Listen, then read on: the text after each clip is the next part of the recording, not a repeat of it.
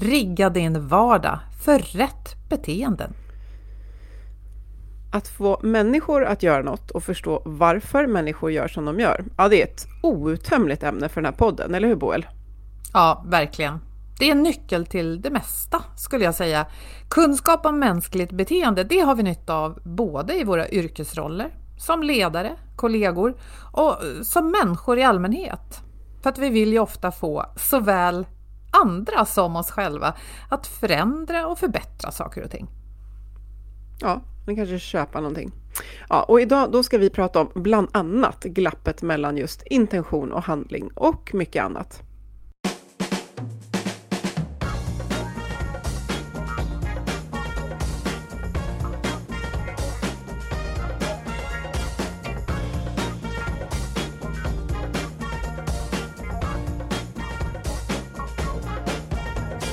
Och det här är Health for Wealth och sen våren 2016, det är länge nu, då har vi poddat om hälsa på jobbet. Eftersom människor som mår bra, de kan prestera bra. Och för att må bra behöver vi goda samarbeten, rätt resurser, handlingsutrymme och trygga ledare som har tid att leda. Och i podden tar vi hjälp av våra gäster och tar ett helhetsgrepp på det här med att må och prestera bra på jobbet. Vi är Ann-Sofie Forsmark. Jag är hälsostrateg, ledarskapskonsult och driver organisationen Oxigroup. Och Boel Stier, copywriter och kommunikationskonsult. Varje vecka delar vi inspiration, idéer och tips för ett bättre och mer hållbart arbetsliv. För dig som är chef, ledare, jobbar med HR, är medarbetare eller någonting helt annat.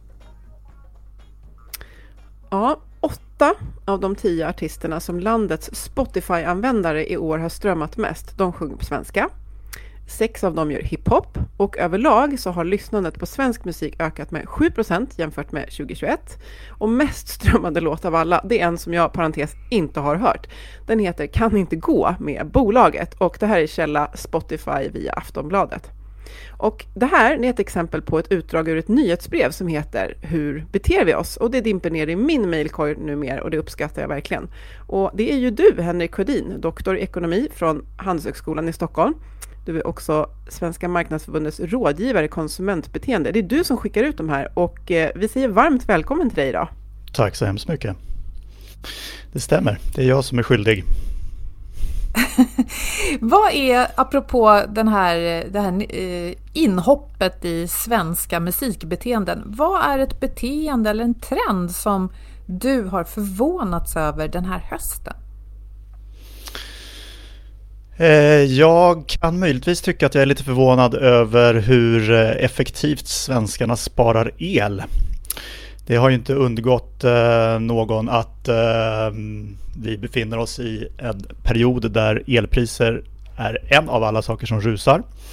Och att människor eh, kanske tänker sig att de ska spara el. Men det finns ju många saker vi tänker oss att vi ska göra som vi inte gör. Men sparar el gör vi faktiskt. De siffror som finns här, att hushållen i september sparade 18 procent jämfört med året innan. Och eh, siffrorna senare, längre fram på hösten, ser ut som att den här trenden fortsätter eller till och med förstärks. Då. Så det är möjligtvis eh, lite förvånande över att vi faktiskt gör som vi eh, tänker oss att vi ska göra. Och du som beteendeexpert, för jag menar de flesta kanske inte förvånas över det, utan de tänker ja men vi vet ju att elen kommer att bli dyr, det är klart vi sparar. Men du vet något här, som du var inne på, att vi sällan, att vi sällan faktiskt gör det vi har tänkt. Vill du berätta lite mer om det? Ja, men det finns ju många saker vi eh, tänker och säger att vi ska göra. Eh, vi eh, tänker att vi ska pilla lite mindre med mobilen. Vi tänker att vi ska eh, träna lite mer. Vi tänker att vi ska stressa lite mindre. Vi tänker att vi ska Eh, eh, ta tag i saker, eh, städa källaren eller vad det nu är. Och eh, mycket av det där eh, kanske inte i alla fall blir av i den omfattning som vi har tänkt oss utan i något mindre omfattning. Det vill säga det finns ju i väldigt, väldigt många sammanhang ett glapp mellan goda intentioner och att vi faktiskt gör någonting. Så det är det jag tycker är lite intressant i elfallet. Det, det intressanta är inte att vi har intentionen att spara beteende, för det som du säger är ganska självklart. Men det intressanta är att vi faktiskt eh, gör det. Sen har jag ju en del idéer om varför eh, det är så förhållandevis lätt att spara el eh, om man jämför med andra saker som, vi kan, som jag också kan berätta om. Ja, men det vill Ja, vi. det, Det vill det ni. vill vi gärna. Det vill vi gärna, precis. För det, det, vi kan säkert lära av just det och, och, och ta med till andra områden där vi inte ser den här framgångsrika liksom, eh, be, beteendeförändringen. Mm. Eh, hur kommer det sig att du jobbar, för det känns som att, eh, nu ser vi ju bara ett, ett fragment eh, av- dig så, men att du, det känns som du jobbar väldigt, eh, väldigt mycket med just musbeteenden. Hur blev det just det för dig? Eh, ja, hur blev det just det? Jag tror kanske att det började mm, antagligen när jag läste min första psykologikurs på universitetet. Det är ju snart 30 år sedan. Eh, så det är ett tag sedan. Men eh, då fick jag nog eh, verkligen smak på det här med att förstå eh, människor och varför de gör som de gör. Och efter det har jag kan man säga haft eh, två fåror i mitt yrkesliv. I den ena fåran så har jag eh, jobbat som konsult på byråer som på olika sätt hjälper uppdragsgivare att förstå sina kunder och att eh, bli så attraktiva för dem som möjligt. Så idag är jag eh, sedan eh, tio år tillbaka eh, strateg och partner på en eh, reklambyrå som heter Åkestam Holst som ingår i, ett, eh, i en familj av byråer som heter NOA, The North Alliance, där vi med hjälp av kreativitet, strategi, data, tech och mänskliga insikter försöker göra skillnad. Då då. Eh, och den andra fåran har jag eh, i akademin. Jag har eh, varit, ja det är väl ungefär tio år också, på Handelshögskolan. Där jag då, som ni sa i den fina inledningen, eh, doktorerade och eh, undervisade och forskade under ganska lång tid i marknadsföring och i konsumentbeteende. Och där någonstans tror jag att eh, det som kanske var en gnista på den där psykologikursen blev eh, liksom en, en eh, fullt utvecklad brand eh, när jag under forskarutbildningen kom djupare och djupare in i konsumentbeteende. Det vill säga att med hjälp av beteendevetenskaplig teori och metod försöka förstå hur människor använder begränsade resurser. Det är det jag lägger i konsumentbeteende. Och begränsade resurser är ju eh, pengar, men det är också tid, energi och uppmärksamhet. Så att det, man kan komma in på ganska många olika områden och det är det som jag tycker är så, så intressant. Det, det finns liksom ingen människa som inte berörs av de här frågorna. Mm. Det är så intressant och, vi, vi, och att det kommer ofta till vissa just Nobelpris i ekonomi som ju, som ju verkligen har handlat mer om eh, psykologi och hur hjärnan Mm. fattar i, i, besluts, eh, i, i beslutsfattande läge. Alltså till exempel eh, Thaler och, och Kahneman. Mm. Liksom, och det är ju inne på, eh, inne på det här. Ja, ehm, ja men vi, går, vi kommer tillbaka till det som du bara teasade om Mm. lite grann där. Att vi har liksom lyckats förändra. Jag tänker också under pandemin att vi eh, lyckades få till förändringar som man kanske innan tänkte att det här går inte att ställa om så, så snabbt, Mm. även om det handlade om andra saker. Ehm, men att eh, just att både det med elen, men det hänger ihop med det ekonomiska läget som skapar beteendeförändringar och, Ja. och nya konsumentmönster under framförallt den här hösten. Då. Vad, eh, vad vill du liksom plocka upp där och beskriva? Vad är, det, vad är det vi ser att vi gör för kanske elen som exempel, men även annat? Och vad är liksom framgångsfaktorerna då för att vi faktiskt ändrar hur vi gör? Nej men det som, eh, som du är inne på, det, det rör oss alla och det märker jag ju när jag eh, då varje vecka i det här eh, nyhetsbrevet som jag skriver på LinkedIn, hur beter vi oss? Där, eh, där gör jag varje vecka, jag plockar upp fem stycken siffror som jag tycker beskriver någonting om hur vi prioriterar och värderar och konsumerar. Och eh, jag har gjort det nu i, nästa vecka är det faktiskt två års födelsedag för det. Så att jag började under brinnande pandemi och väldigt mycket handlade om pandemin. Och sen så eh, hann jag precis i någon månad tänka att ja, nu blir det lite mer vardagliga saker, hur beteende är i vanliga fall. Och jag hann precis börja fundera på vad, ja, vad, vad skulle... Jag fick en, ny, en nyårsspaning att jag skulle försöka blicka in vad 2022 skulle handla om. Och då skrev jag, jag tror att det blir intressant att se vad som kan komma upp på agendan istället för pandemin då. då. Och spekulerade lite i att det kunde vara klimatfrågan.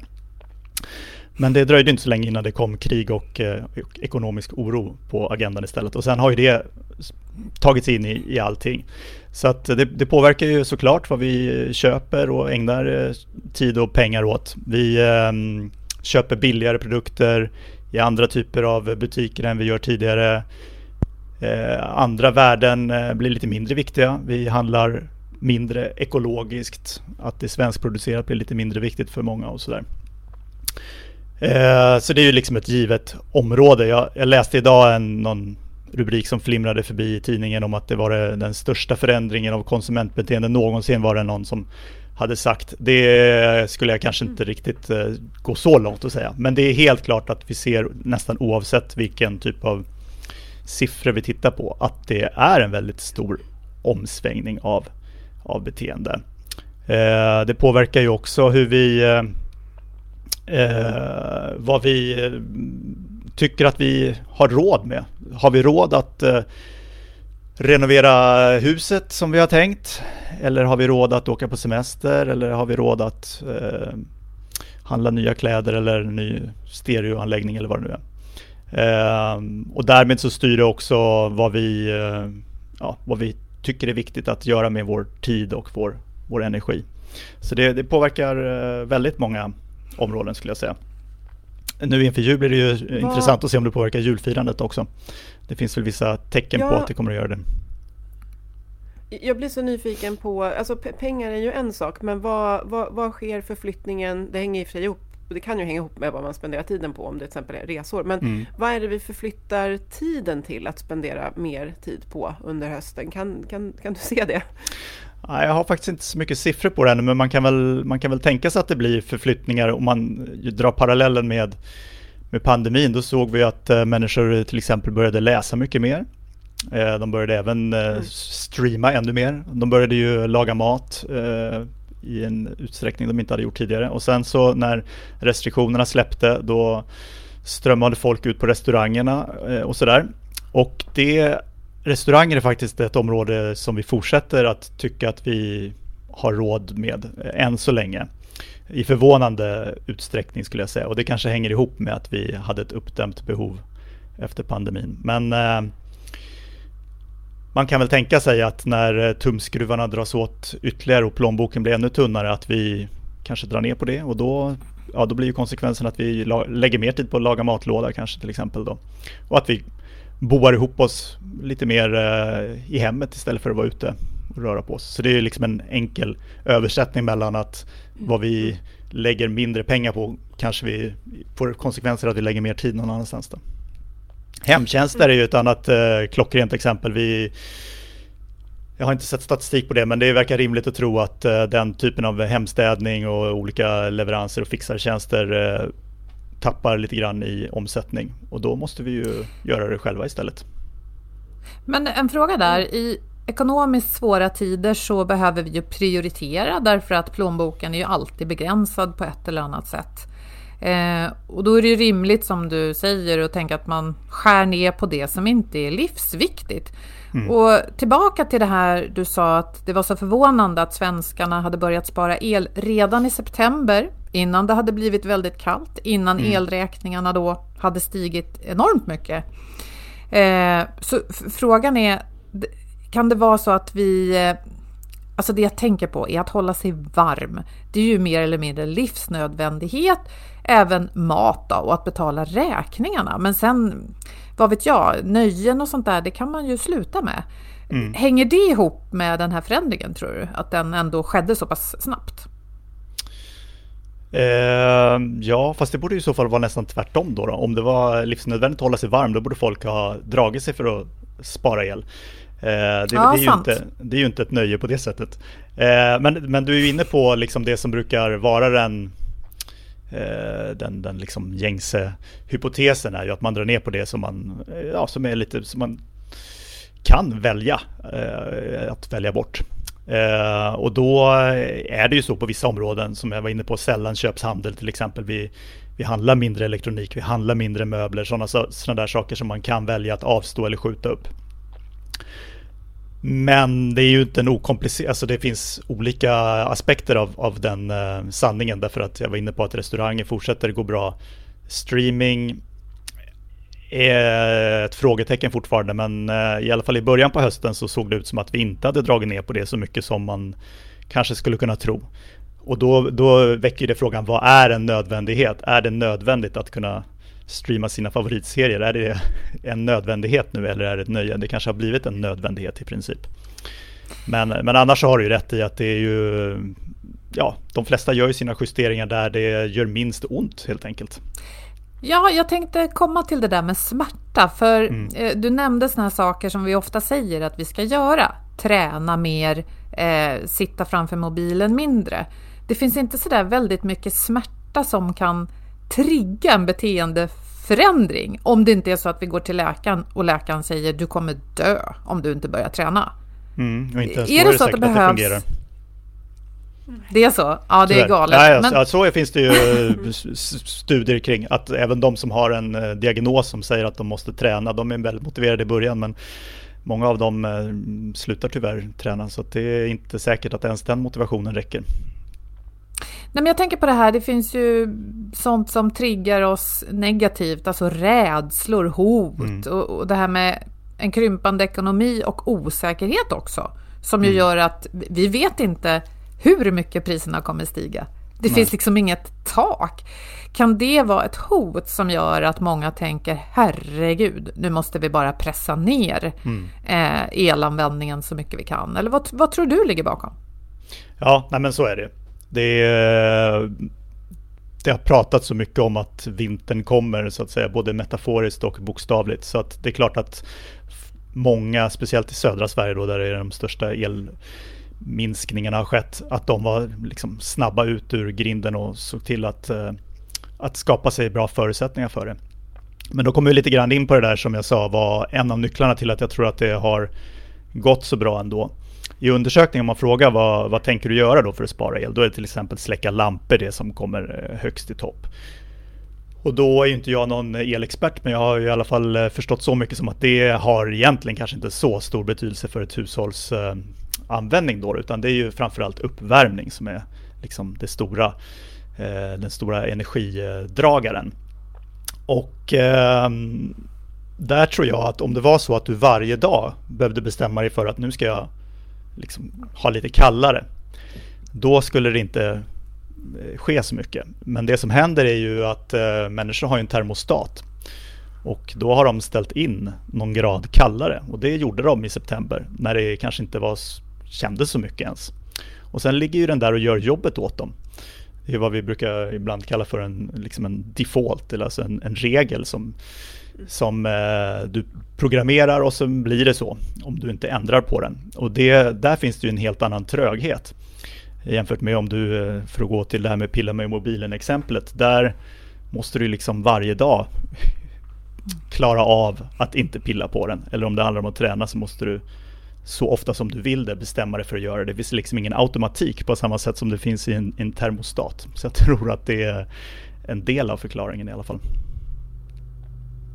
Just det. Ja, nu, nu börjar vi komma in på det här med hur man liksom lyckas med eh, lyckas med beteendeförändringar. Men jag tänker också när du beskriver, eh, får se vad det, men det är ju lite av en eh, att dra ner elförbrukning, det är lite av en hype kring det. Det är lite av mm. en samhällelig hype. Att liksom alla, det, det, är en bass om det, så att alla, det är väldigt stort liksom jag blir påmind om det och påtryckt och sen så även, även om den här lilla lampsläckningen eh, inte i sig på, det, det, är så konkret och så tacksamt mm. och liksom jag kan göra det och jag kan liksom säkert, de flesta kan ju också mäta sin elförbrukning så du kan ju se liksom dag för dag hur saker gör skillnad. Det är så mycket där som talar till att det är ett ganska tacksamt beteendeförändring att göra. Mm. Problemet är ju att det är så mycket, om vi kopplar till träning till exempel, så är det ju eh, jättemycket motstånd. Effekterna och fördelarna kommer inte alltid direkt. Eh, en del får ju lite eufori från det sådär, mm. men det kommer liksom på längre sikt. Det är svårt att liksom, ja, att det är så det finns ju så många nycklar i att få beteenden att faktiskt hända och vi är ju så nyfikna på att höra dig resonera kring just det här glappet mellan eh, en intention man har och sen en handling som sker, ja, inte bara en gång utan, utan flera gånger. Eh, så du får jättegärna välja något exempel och beskriva kring om det hjälper, men just att om vi vill få då en förändring att, att, att hända och hålla eh, ett beteende, hur, eh, ja, hur, hur gör man då helt mm. enkelt? Ja, men du är inne på hända och hålla. Det, det är två saker som är svåra med att förändra sitt beteende. Det ena är att börja och det andra är att fortsätta. Eh, och man måste liksom klara av båda de utmaningarna och de är lite olika. det bästa tricket för att, för att börja med någonting det är att göra det så otroligt lätt och litet så att det inte är några problem. Och där är ju släcka lampan en bra signal. Det, det, kan man alltid börja med och sen kan man känna att ja, nu har jag sparat lite el. Och sen kan man gå vidare och göra svårare saker. Då. Eh, men för att hålla ut i längden så behöver man ju lite, lite andra doningar helt enkelt. Och då eh, jag brukar, jag, det finns ju många olika modeller och beslutsregler, vad heter det, minnesregler för hur, vad det är som påverkar ens förändring. Eh, och många av dem påminner om varandra och alla har någonting bra att säga. Jag har, jag har väl gjort ett liksom eget hopkok som jag brukar ha i bakhuvudet för att liksom just mm. tänka igenom vad en, vad en beteendeförändring egentligen innebär. Eh, den eh, har jag döpt till V8 eh, för att det är en så stark motor. Eh, brum lite, brum. Ja, själv, V8. Ja, lite självironiskt. Ja. Och tyvärr, då, då, betyder det att det är åtta grejer det där. Åtta är lite för mycket egentligen för att man ska kunna komma ihåg det. Men det finns några klumpar som gör att man lite lättare kan, kan se till så att man kanske kommer ihåg alla de där åtta. Och det är åtta V då, det är därför det heter V8. Eh, och de första tre är ju ja. Ganska enkelt, det handlar om eh, vem, vad och varför. Eh, vem är det som ska förändra någonting? vad ska den personen förändra och framförallt varför ska den personen förändra? Och det är varför-frågan man måste börja med. Eh, mm. Vad är, av alla saker man vill åstadkomma, vad är det som, som liksom känns viktigt? Om vi, jag menar el, då är det tydligt, vi ska spara el, men, men i många fall, om du är på en arbetsplats till exempel och så tänker du att du vill eh, stressa mindre, då kan det ofta vara lite luddigt på vilket sätt vad, vad, vad, är det som är problemet? Och är det liksom att du känner att du inte kan sova på kvällen eller är det att du känner att du inte hinner med eller att du är otillräcklig eller är det att du får klagomål eller vad, vad handlar det om liksom? Så att man måste börja eh, ringa in lite grann. Vad, vad är det jag vill åstadkomma? Och det kan ju låta okomplicerat men det är ju sällan eh, okomplicerat. Det, dels det räcker med att gå till sitt eget huvud för att inse att det ofta finns liksom lite motstridiga viljor kring saker och ting och man har lite svårt att reda ut vad man ska. Och eh, om vi sen lyfter och, och, pratar om att det inte handlar om beteendeförändring bara för, för mig Henrik utan att jag vill få jag, jag, är i en organisation och jag vill få många att göra någonting. Då kan det bli ännu rörigare att, att ens komma fram till vad är det egentligen vi håller på med. Så där måste man liksom se till så att man har rätt startpunkt. Eh, vemmet, ja det är, om det handlar om att jag ska göra någonting, träna eller eh, spara el, då är det ju rätt självklart. Men ibland så kan man ju fundera på att man kan åstadkomma någonting på olika sätt.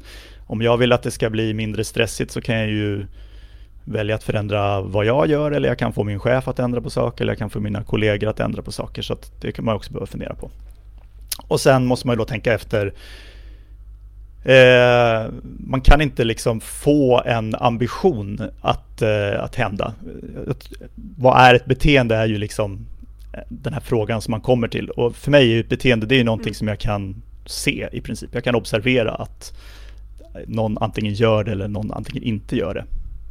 Och ja, men det är intressant att stanna till där. Ja. Får jag bara hoppa in? Ja, absolut. För det du säger är ju jätteintressant. Att om jag ska stressa mindre, precis som du säger, det är en komplex fråga. Jag måste fundera på vad, hur jag bidrar till stressen, hur andra gör det och, och vad det eh, liksom sen eh, faller ut i för beteendeförändringar. Men min stress är ju en känsla. Mm. Det är ju inte ett beteende. Eller kan jag liksom sätta fingret på ett beteende som på något sätt är det yttre tecknet på min stress? Nej, jag tänker mer att eh, din stress är ju en upplevelse och den måste du försöka förstå vad den eh, kommer ifrån och vad den tar sig för uttryck. I vilka situationer känner du av den? På vilket sätt känner du av den? Kan du lista ut eh, vad det är som gör att den uppstår och sådär. Så det är ju liksom en del av diagnosen att förstå vad är egentligen grejen. Eh, och beteendet kommer ju sen mer när det handlar om vad kan du göra åt saken. Då måste du ju, du kan inte göra åt Ja, du kan påverka en känsla genom hur du tänker. Det kan du göra någonting åt. Men du kan också välja att, och det är inte en, en helt tokig väg, men du kan ju också välja att säga att jag behöver göra saker annorlunda. Jag kanske behöver, och det, där kan du komma på massor av eh, olika sorters beteenden.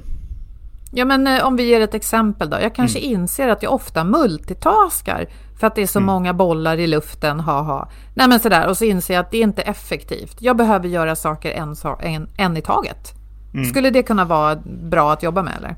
Ja men det kan det verkligen vara. Där är det bara viktigt att, för det är ofta så att det dyker upp en idé i huvudet vad det är som skulle vara effektivt att göra någonting med. Och det kanske är vad någon har sagt eller vad man har läst eller bara vad vi är uppfostrade att tänka.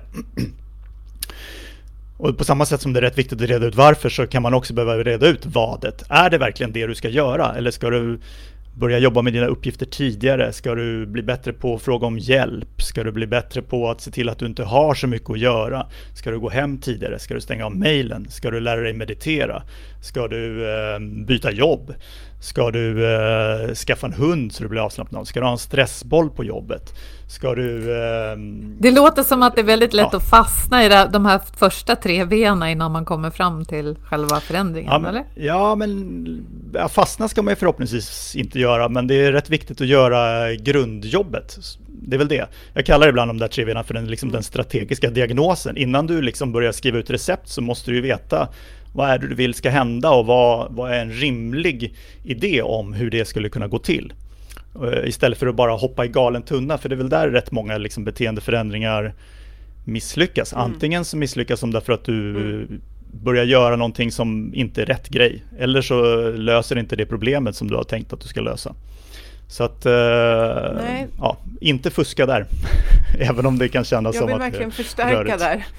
Det var väl Einstein som sa också att om jag har en timme så ägnar jag 59 minuter åt att verkligen formulera rätt, liksom, vad är egentligen problemet? För det tror jag just apropå stress, som vi inte ska kanske ramla ner i, men, men just där så är liksom lösningarna eh, att hoppa på quick fixes där, det, det, det är inget bra, utan det är väldigt viktigt att man pinpointar liksom, vad är det faktiskt för problem vi försöker lösa här. Ja. Mm. Ja, det är exakt. de tre första vena där vi har täckt in i alla fall. Ja men precis. Eh, och då måste man ju som sagt bara veta att när man är klar med det så måste man ha, ha klart för sig vad är det man försöker åstadkomma. Och har jag valt ett beteende som, som, är, som är rimligt och tro att det här kommer att vara effektivt. Så att jag liksom tror att jag har valt ut någonting lämpligt att sätta igång med. Eh, och sen kommer man ju då till, eh, om det där var den strategiska diagnosen, kommer den, den taktiska diagnosen med tre nya ben. De har lite mer poetiska namn. De heter Vallgraven, Villkoren och Vyn. Det låter som någon wow. sån här Ville, Valle och Viktor eller något sånt där. Vallgraven, Villkoren och Vyn. Och då börjar man med vallgraven. Det vill säga, vad är det som ligger mellan mig och det där beteendet som jag har bestämt mig för att jag ska satsa på?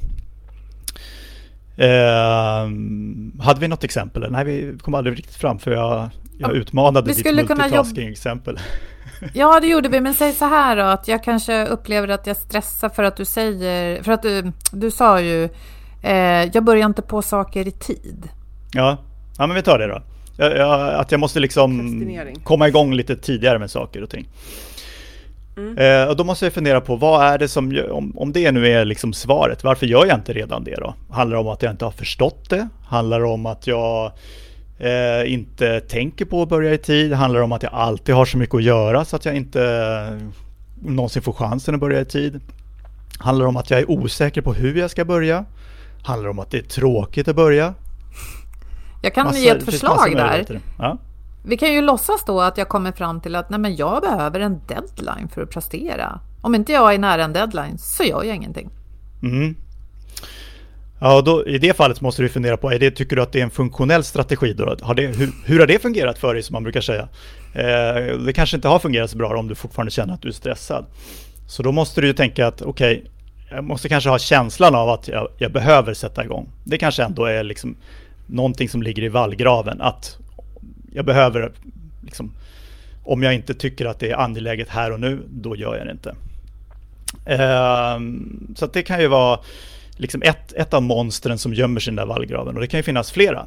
Ehm, men man måste liksom veta vad är det som, vad är hindret? Vad är, vad ligger i vallgraven som gör att eh, jag inte kommer framåt? Och när man gör det så eh, då har vi det här med villkoren. Då måste man fundera på Eh, eller det blir lättare att tänka på vad som finns i vallgraven när man vet vad villkoren för ett beteende. Och det finns tre villkor för ett beteende. Eh, man måste tycka att det är givande. Man kan inte känna att det är alltför krävande. Och man måste få en impuls för att göra någonting. Så det här med givande är ju, eh, handlar då om att vilja göra det här? Vill jag sätta igång med uppgiften tidigt? Eh, nej, det vill jag ju kanske inte för att jag får ingen belöning av det. Vårt, eh, vårt psyke fungerar ju så att vi prioriterar det som ger mig någonting i nuet ofta före det som ger oss på sikt. Vi skulle kunna minska vår stress och vi skulle kunna känna att vi åstadkommer saker. Men det är ju inte här i stunden, utan här i stunden kommer det kännas jobbigt att sätta igång med det här.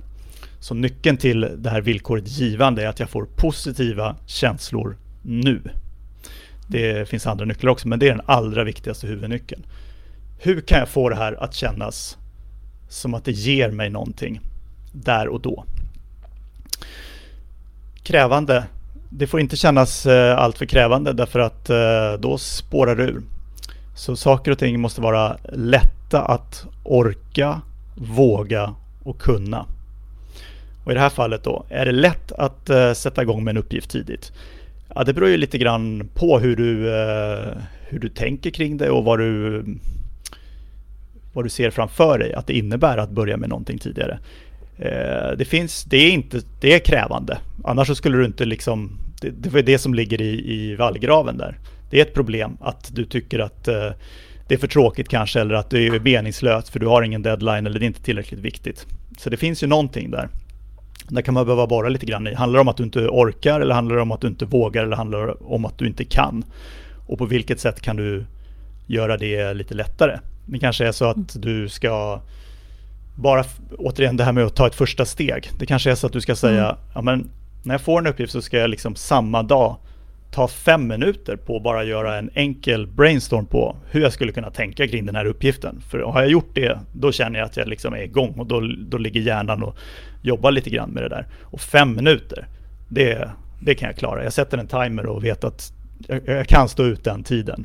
Jag kanske till och med häller upp en god kopp te och liksom tar fram min favoritpenna och tar fram en mysig filt. Så du liksom i det både höjer hur givande det är och sänker hur krävande det är. Jag kan sen, ge ett exempel ja. där. Bara, jag tänker att om det då är jag som är stressad och jag har svårt att börja i tid, då kan det ju vara för att jag tänker att när jag ska skriva en text så är det ett ganska omfattande arbete med research och ja, ett kreativt arbete och det är korrektur och mycket tankarbete. Men om jag då mm. tänker att ja, men jag ska göra så här, att jag tar de här fem minuterna som du säger och så ska jag, ska jag, skriva ner fem förslag på en rubrik som inte behöver vara bra, men bara så att mm. jag har fem basförslag. Då kan jag liksom, check i boxen. Skulle det vara en bra sån strategi? Absolut. Det, det handlar ju om att på olika sätt sänka tröskeln och göra det så lätt för dig som möjligt att komma igång. Eh, I träningssammanhang så pratar man ofta det här, men sov i dina träningskläder och ställ fram skorna vid dörren så har du liksom minskat motståndet på väg ut genom dörren. Och på samma sätt så kan du tänka i det här fallet att börja skriva. Ja, men om du, om du har det som en vana att jag ska göra fem rubriker då. Ja, då dels behöver du inte tänka hur ska jag liksom, var ska jag börja någonstans, utan du vet att det är det du ska börja med. Och du vet att du bara fem du behöver göra. Sen kanske du rinner på av farten och du har också bestämt dig för att de får vara dåliga så du har sänkt den liksom psykologiska kravbilden lite grann. Vilket ju då också är en del av det som gör det krävande. Så att det är väl ett, ett utmärkt exempel. Och sen hade vi det här tredje villkoret som var, eh, får jag ens impulsen att, att göra det här? Eh, därför att det finns eh, som sagt många saker vi tänker att vi vill och ska göra. Eh, men en lite underskattad anledning till att de inte blir gjorda är att vi eh, inte tar chansen när vi skulle kunna få det. Därför att vi inte kommer att tänka på det. Eh, där måste man liksom fundera på hur kan jag komma ihåg det här som jag bestämt mig för överhuvudtaget. För du kommer att få en ny uppgift nästa vecka också. Och då kanske du i början, ja du kanske behöver ha en post-it på din eh, skärm där det står liksom Börja enkelt, fem rubriker eller något sånt där så att du liksom inte kan missa det. Man måste fundera lite på på vilket sätt skulle jag kunna påminna mig själv om det här. Över tid kan du förhoppningsvis ja, skulle... göra en vana av det. Eh, men eh, innan man har det, och då, då blir det mer automatiskt att du kommer att få den här impulsen. Men tills du har en vana så behöver du liksom se till så att du får den impulsen. Jag som jobbar med reklam, det är det en stor del av reklam eh, handlar om, är ju att, ja just det, jag kanske ska köpa just den här produkten när jag går till affären idag. Det handlar inte så mycket om att uh, ändra dig om vad du egentligen tycker om det, utan det är bara att se till att den dyker lite högre upp i, i den mentala tombolan som trillar ut med vad, vad som skulle hända just idag. Mm. Ja, men det skulle ju kunna vara, tänker jag då, att eh, jag inför en ny vana. Att varje gång jag skriver in en deadline i kalendern, för det brukar man göra, mm. då skriver jag också in två veckor innan, skriv fem rubriker. Ja, precis. Och då får du en impuls automatiskt.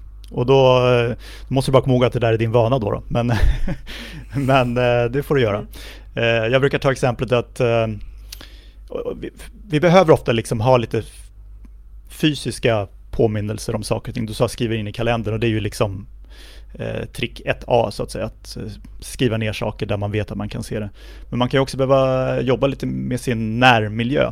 Jag har en eh, jag har två barn och ett av dem är eh, eh 21 månader nu så att han har inte funnits så jättelänge och när han eh, var ännu mindre då så ville jag fota honom mycket. Jag gillar att, att fotografera.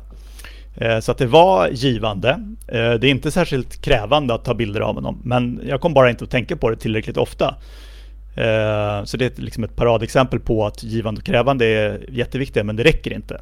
Så att jag behövde fundera på, men vad, hur kan jag då ta mer bilder av dem? Ja, men jag ställde fram kameran på bokhyllan i rummet där vi oftast är. På det sättet så ser jag kameran och kommer att tänka på, ah, nu kanske det är tillfälle att ta en bild. Så att Mm. Det behöver liksom inte vara så komplicerat alltid. Det kan låta rätt självklart mm. när man väl gör det. Men innan jag hade ställt fram den här kameran så, så blev det inte bilder och när jag hade ställt fram mm. kameran så blev det bilder. Mm. Mm. En klassisk, eh, vi, vi, har pratat en del om nudging. Mm. Det är en, en nudge. Det är inget som tvingar dig att fota men du har precis knuffat dig själv genom en, en liten nudge i den fysiska miljön. Att eh, ta, ta de där bilderna. Det här tänker jag att det är jätteviktigt för människor, just den där knuffen, att, mm. som ni är inne på att Eh, ja, men, men, det, ja, men det är egentligen jätteenkelt. Jag vet, bara varför, jag vet inte varför jag inte gör det. Nej, men vi behöver bli påminda. Mm. Våra hjärnor är så överbelastade med massa Precis. andra inputs på vad vi ska göra. Så att vi behöver brotta in det som vi själva faktiskt vill eh, att, vi, att vi ska få till. Men visst har vi två vi har ju två eh, V kvar antar jag. Ja, du är inne på, du, du gör en, precis en fin brygga till det sista V i, i den här taktiska diagnosen då. Vallgraven, villkoren ja, ja, och vyn. Mm. Och vyn är precis vyn. det. Vad är det jag ser? Om jag är den person som jag vill påverka. Eh, om mm. du vill påverka någon annan så handlar det dels om att du måste liksom ställa dig i den personens skor och tänka, men hur skulle någon som inte kan någonting om det här tänka? Vad är svårt om man ska börja cykla till jobbet, vad kommer den personen tycka är svårt? Mm. Även om jag är en sån som har cyklat till jobbet i flera år. Eh, så det är på ett, eh, liksom, på det planet, men även om det då bara handlar om dig så är det, vad är det egentligen jag ser i den situationen? Ser jag en kamera? Ser jag inte en kamera? Mm. Eh, mm. Får jag massa andra intryck? Så att vyn är en påminnelse om att se till så att man verkligen liksom kommer nära den situationen och nära det beteendet med rätt glasögon för att förstå vad det är som upplevs som hinder där och då. För på avstånd och speciellt mm. från någon annan som tycker att de kan någonting kan man tycka att men det är väl inga, det där är väl inga problem. Alltså någon som tränar mycket mm. kan ju tycka att det är väl mm. inga problem att, att liksom komma ut genom dörren. Jo, men om man inte är så van så är det det. Så det var de tre V'na. Så då har vi gjort en loop uppe med vem, vad, varför. Och vi har gjort en mm. loop med vall, vallgraven, villkoren och vyn. Och då kan det också hända att man får komma tillbaka mm. upp till vadet och säga Nej, det där kommer inte att gå. Det, var inte, det finns för mycket hinder kring det. Det blir för svårt att rå på det där. Vi får ta ett annat vad och komma ner och göra det igen. Mm. Men apropå då att man är liksom otålig. Det, nu har vi liksom sex V har vi använt till att ens förstå situationen. Så det är Einstein-citatet rakt av, de 55 eller 59 minuterna att definiera problemet kan man säga. Mm. Nu kan vi öppna verktygslådan som är då det sjunde V. Mm. Eh, och där finns det en till minnesregel som är mirakel. eh, mm. Och jag behöver det vill vi ha. Ja, det vill vi ha. Ja. ja. det är verkligen självironiskt för att det finns inga, mirakel, det finns inga mirakel i, eh, i beteendeförändringen. För om det, var, om det fanns det så skulle vi inte behöva uppfinna nya nyårslöften varje år och vi skulle inte ha något mer att jobba på. Eh, så det är en liten påminnelse till mig själv om att eh, mirakel kanske man inte ska hoppas på, men man kan ändå göra skillnad.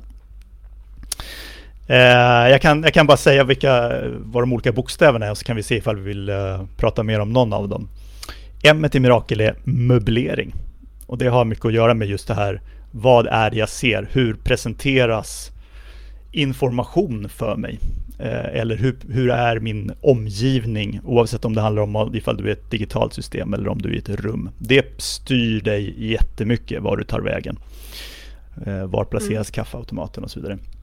Mm. I är incitament.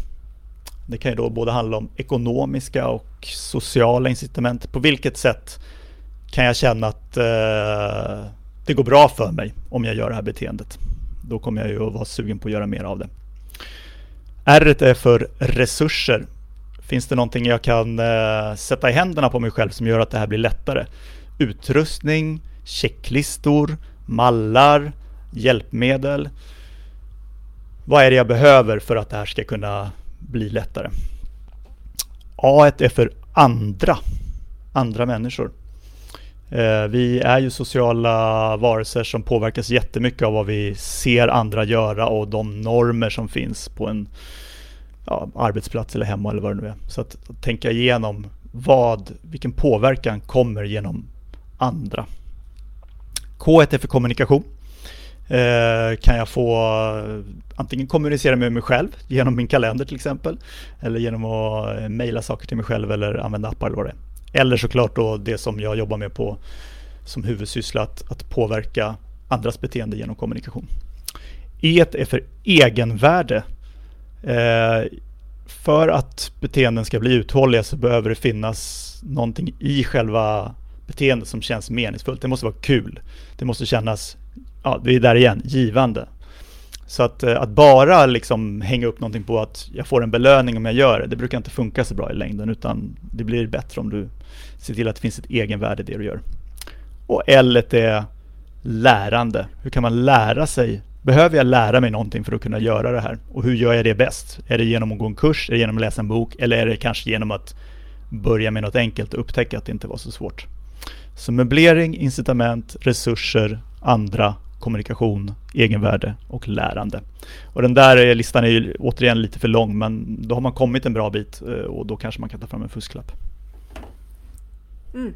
Det är mycket som måste vara på plats för att vi ska förändra ett beteende.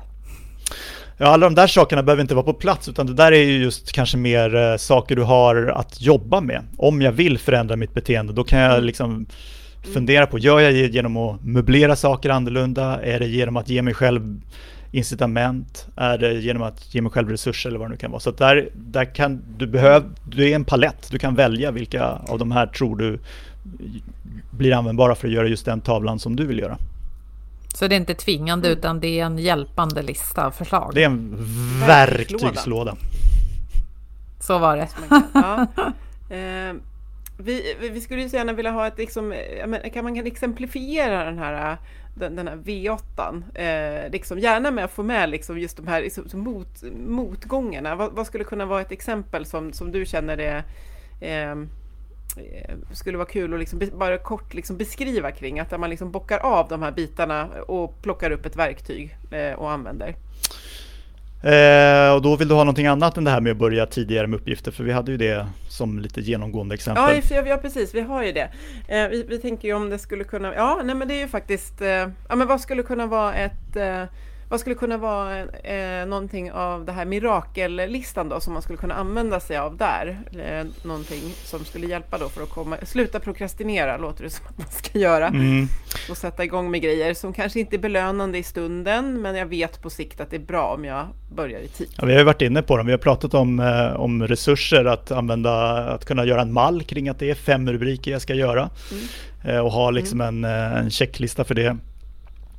Eh, egenvärde, ja det var jag lite inne på att om du liksom ska tycka att det här är okej okay, så måste du kanske göra det till en liten mysig stund på något sätt. Eh, det kan tyckas är lite fånigt men jag, jag mediterar eh, till exempel eh, varje morgon och det är, man kan ju vara mindre eller mer sugen på där och då. Men jag vet att så här, tar jag fram min speciella filt och sätter mig på min speciella kudde och tänder den speciella lampan, då har jag liksom skapat lite förutsättningar för att även om jag är frusen och ruggig så eh, har jag liksom så kommer det att kännas, kännas bra. Mm. Eh, ja men i... Ja, men och lärande också tänkte jag att jag kanske börjar på det här sättet med den här mallen och sen kommer jag på att nej men det är inte fem rubriker jag ska skriva utan det kanske är ja, något helt annat, någon ingång till den här texten. Ja, så kan det ju vara. Och om vi zoomar tillbaka till, till liksom den större frågan, då, hur kommer jag igång tidigt? Så liksom vill jag gå djupt i det här, ja, men jag kanske ska liksom se, finns det någon bok som handlar om hur man kommer igång med saker? Ja, det kanske finns liksom. så att det kan ju mm, vara liksom lärande väldigt sådär textboksmässigt också. Men jag är eh. väldigt nyfiken, förlåt att jag eh, hojtar på här, men det sista vet, vad är det? Värdering. Ja. Det vill säga du måste följa upp, hur går det här? Gör du framsteg, som du var inne på med lärandet? Uh, gör jag det här överhuvudtaget så jag kanske ska se till så att jag kan följa uh, huruvida jag faktiskt gör det beteendet som jag har sagt att jag ska göra eller inte. Och sen uh, värdera, är det här liksom en bra väg eller behöver jag ta till andra medel? Så det, mm. det är ganska snabbt avklarat det sista vet. Ja, för varje gång jag ser... Leder det till det jag hoppas på? Jag tänker också varje gång jag ser det här i kalendern som jag har skrivit ner. Om jag då tänker, åh, det här är tionde gången jag ser det i kalendern och jag har aldrig gjort något åt det. Mm. Då är det ju dags att tänka mm. nytt då kanske. Ja, då fungerar ju inte det där och då måste du gå tillbaka till så här, okej, okay, vallgraven, det finns tydligen en, vad är det som gör att jag inte gör det där fast jag mm. ser det tio gånger? Mm. Är det en känsla? Är det något, någonting praktiskt? Och så får du börja borra det igen då i den vyn. Jag ser det här i kalendern, jag gör det ändå inte. Vad är problemet? Är det att det inte känns tillräckligt givande? Är det att det känns alltför krävande? Eller, ja, impulsen får du ju för du ser det i kalendern men du struntar i det tydligen. Så mm. då får du gå tillbaka till diagnosen. Just det. Ja, jag tänker att eh, jag, jag, jag, ser fram emot att skriva, eh, eller det gör vi tillsammans ska jag verkligen poängtera, när vi skriver liksom texten till det här avsnittet, för jag tror att då kan vi verkligen illustrera upp de här åtta vena och man kan, det, låter som en fantastisk checklista att ha med sig när man kanske utvärderar varför någonting, kanske förra nyårslöftet inte har genomförts, eh, eller varför någonting har gått bra, eller någonting man liksom planerar för. Och jag, vi känner ju igen mycket från, eh, både jag och Boel i skola, mm. det är OBM, eh, och, och, och där är det ju 4F som man jobbar med, men, men eh, de här åtta, jag gillar ändå dem för att de eh, det, det, gör, ja, det, det, det, det liksom fångar upp så mycket mer som faktiskt eh, kan både stärka men också skälpa när det inte, när det inte går som man har, eh, har tänkt. Ja, det finns ju ja. ganska många grejer att tänka på just och då är det där en liten bara hjälp att vad är det för saker jag ska, jag kan, vilka lådor kan jag öppna och titta i? Eh, ja. Och det där hjälper ju mig hela tiden. Jag har ju jobbat med det här länge men eh, Men ibland så eh, ja, det, Och jag har använt det till min framgång många gånger. Som jag sa, jag mediterar varje dag. Jag är på god väg att lära mig italienska på egen hand och jag cyklar till jobbet varje dag. Jag har liksom gjort en del förändringar som Mm. som jag själv kan känna mig stolt över och som jag märker att alla inte tycker är självklara. Så det är ju, och då är det ju de här teknikerna jag använder det. Men sen är det också ibland mm. som det jag märker att ja, men det, här, det här går ju inte så bra. Eh, Nej. Jag eh, jobbar hemma en, en hel del nu och då brukar jag gå iväg och skriva och då finns det två ställen jag kan gå iväg och skriva på. Jag kan gå iväg och skriva på biblioteket eller jag kan gå iväg och skriva på Espresso House. Och går jag till Espresso House då ja, då blir det ju rätt ofta en bulle alltså. Eh, och det är li lite för ofta. Eh, ja. Och då kan jag ju liksom se, men vad är det som gör att jag Ja, varför jag får en bulle när jag är där? Ja, det är för att jag får en impuls. De ligger så fint uppdukade och det är väldigt givande och det är inte så krävande att köpa en bulle. Och, vin, liksom, du ser bullarna. Jag ser bullarna, ja. exakt. Så att det är liksom, då kan jag ju flagga att ja, men det där blir inte riktigt bra. Och hur skulle jag kunna påverka det istället? Eh, handlar det om att jag ska eh, sätta upp eh, incitament eh, för att istället gå till biblioteket? Handlar det om att mm, göra en eh, en mental planering att eh, även fast jag ser bullen så ska jag välja någonting annat eller ja, vad handlar det om? Så att eh, jag tycker det är ganska vettigt med det där. Ja men jätteintressant och tyvärr ser jag en vallgrav närma sig här för att vi ska mm. kunna fortsätta prata och det är faktiskt tidens vallgrav. Mm. Ehm, jag tyckte att det var jättekul att lyssna på dig Henrik, tack för att du ville vara med. Jag tar framförallt till med det här med vallgraven och vin för att det blev visuellt för mig. Mm. Och det, mm. det fastnar lätt. Så att, eh, tusen tack för det. Jag, eh, ja, det här går ju, det är ett outtömligt ämne. Men vi har ändå ja, gett det det. väldigt handfasta tips. Och det är vi väldigt glada för att du ville bidra med. Ja, verkligen. Ja, nej, mm. men som det kanske det hörs på eh, hur snabbt jag pratar och hur engagerad jag blir så tycker jag att det är otroligt spännande. Så jag är bara glad att få prata om det. Det gillar vi, det gillar våra lyssnare också och vi kanske får eh, anledning att återkomma. Du är ju, det är väldigt bra att du är ute och trendspanar beteenden också för det är tacksamt att, att, att plocka in. Eh, så tusen tack och som sagt vi kommer att sätta ihop alla den här V8 eh, på eh, inlägget till det här till det här poddavsnittet. Och där så passar vi också alltid på att länka till vår samarbetspartner motivation.se och en artikel som vi väljer ut hos dem och eh, det saknas inte artiklar på beteenden direkt och vi väljer idag ut en som handlar om att förpappring, vilket handlar om överdrivna administrationskrav. Det kan döda motivationen till goda beteenden och den är skriven av Stefan Söderfjell som är en välkänd gäst i vår podd. Mm, och vi länkar förstås till den här artikeln i, eh, ja, där du lyssnar just nu. Och med det tackar vi våra samarbetspartners Motivation.se och Agda Media för den här produktionen. Följ oss gärna på LinkedIn, prata med oss där, kommentera på våra inlägg. Så säger vi hej och tills vi hörs, ha det så fint! Må så gott! Hej då! Hej då!